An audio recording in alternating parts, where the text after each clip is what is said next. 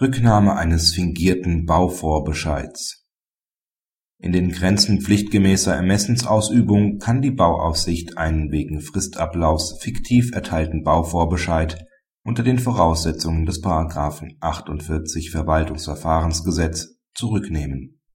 Im zu entscheidenden Fall galt der Bauvorbescheid nach der Landesbauordnung als erteilt, weil innerhalb der Bearbeitungsfrist nicht entschieden worden war zwar hatte die Bauaufsicht auf Antrag der Gemeinde die Voranfrage zurückgestellt, dieser Zurückstellung trotz Widerspruchs des Bauherrn jedoch keine sofortige Vollziehung beigegeben.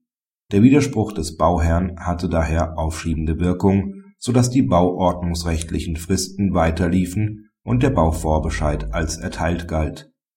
Aufgrund einer zwischenzeitlich verhängten Veränderungssperre nahm die Bauaufsicht den fingierten Bescheid gemäß § 48 Absatz 1 Verwaltungsverfahrensgesetz zurück.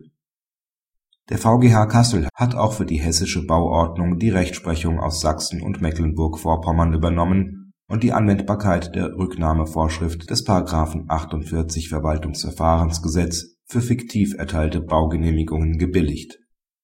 die Landesverwaltungsgerichte folgen daher für den Bereich des Bauordnungsrechts nicht den Erwägungen des Bundesverfassungsgerichts zur Unwiderrufbarkeit fingiert erteilten gemeindlichen Einvernehmens nach § 36 Absatz 2 BauGB oder der Rechtsprechung des OVG Lüneburg zur Unwiderrufbarkeit der Genehmigungsfiktion für die Teilung von Grundstücken nach dem früheren § 19 Absatz 3 BauGB die über die Verweisung in § 145 Absatz 1 BauGB auch für sanierungsrechtliche Genehmigungen galt.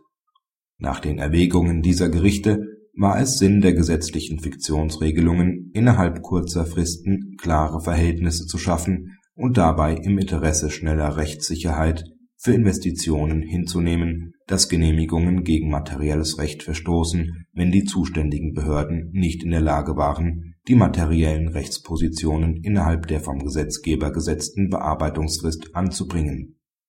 Diesen Beschleunigungseffekt akzeptiert die im Vordringen befindliche bauordnungsrechtliche Rechtsprechung nicht, und zwar mit der Erwägung, dass die Rechtswirkungen einer fingierten Genehmigung nicht weiter gehen können als die einer tatsächlich erteilten.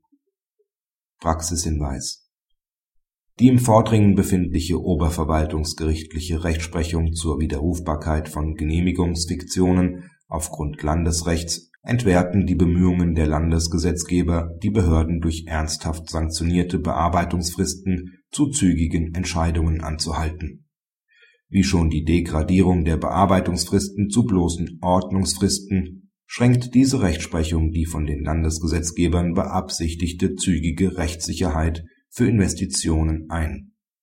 Gerade bei strittigen Vorhaben erlangt der Antragsteller keine gesicherte Rechtsposition, wenn er auf eine durch Fristablauf fingierte Genehmigung vertraut. Sein Erfüllungsinteresse ist nur im Rahmen der pflichtgemäßen Ermessensausübung durch die Behörde geschützt. Sein Vertrauensinteresse ist zudem nur so weit geschützt, wie es unter Abwägung mit den öffentlichen Interessen als schutzwürdig erscheint